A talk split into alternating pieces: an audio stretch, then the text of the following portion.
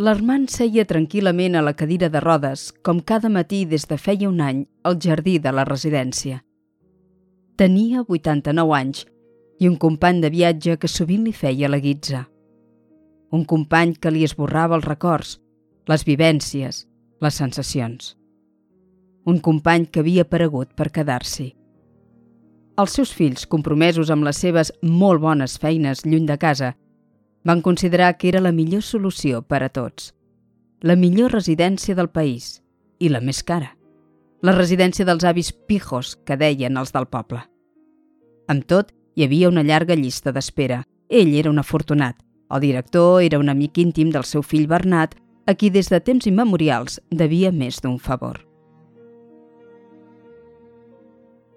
L'Armand no havia estat mai un home rondinaire.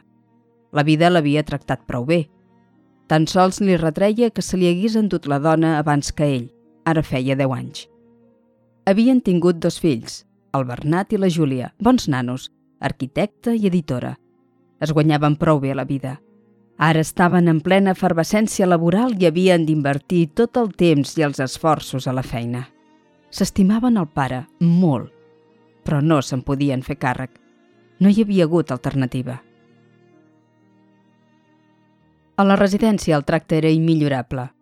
Els metges eren excel·lents, les infermeres encantadores, sempre amb el somriure a la boca, mai perdien el bon humor. Els conserges, les noies de recepció, les cuineres, tothom traspoava energia de la bona. L'Armand no aconseguia identificar aquelles cares que el tenien allunyat de casa seva i dels fills, però se sentia atès i estimat d'alguna manera. La residència era dalt d'un turó als afores del poble, des d'on es podia veure bona part de la vall. El paisatge des del jardí estant era una autèntica postal. Les muntanyes al fons i les vinyes en primer pla. L'aire era pur i la llum intensa. El cel taló de fons d'estols d'ocells que migraven cap aquí i cap allà. Els núvols esdevenien bons aliats en dies de força calor. L'Armand solia quedar-se emmadalit, seguint-ne la trajectòria i la metamorfosi. De tant en tant aconseguia identificar alguna forma. Una ovella, un cotxe de curses, una cara enfadada. I llavors ocorria. Li venien al cap flaixos, imatges de la seva infantesa, cares que no havia tornat a veure mai més. De cop i volta li passava pel davant un nen enfilat en un tamboret i gent al voltant d'una taula escoltant-lo i aplaudint-lo. O veia aquell sorral on anava amb els pares a fer castells o improvisar circuits per fer-hi córrer els cotxes. A vegades la mare es quedava a casa a estudiar. Volia ser neuròloga i es passava el dia memoritzant malalties i paraules difícils com ara ictus, vessament, hemiplegia, que després intentava explicar-li com podia i ell, esponja com era, anava gravant al seu caparró tota la informació de què era capaç. Altres vegades els flaixos el duien els primers anys d'escola i al gimnàs, on preparaven les representacions de teatre – entrellocava mentalment l'assaig del Sant Jordi a parvulari. Tenia quatre anys. Ell, tot un espinguet, amb una memòria, ai las, prodigiosa, era l'atractiu cavaller. Li apareixia la cara de la mestra, tota sorpresa i enriolada, fent-li una abraçada.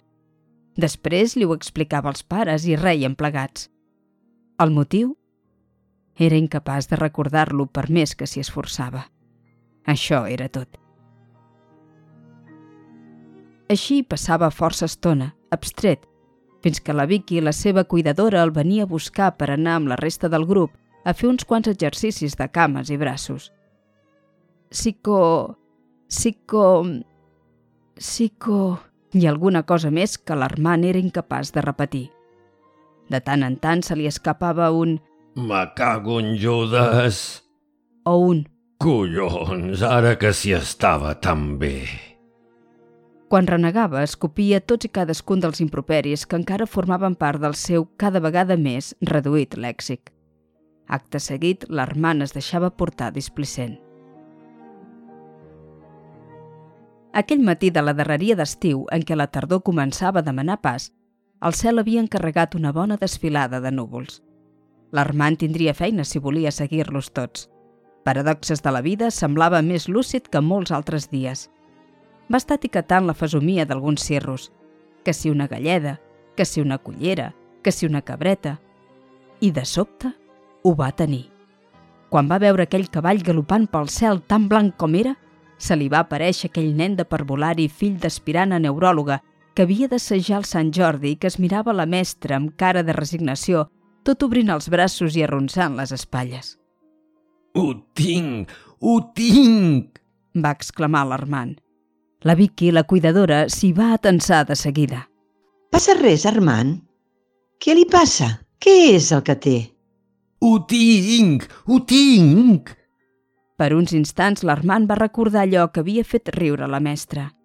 És que el pati m'ha tocat el sol al cap i tinc manèsia i ara no me'n recordo de res. Manèsia, nena, manèsia. Això és. Manèsia.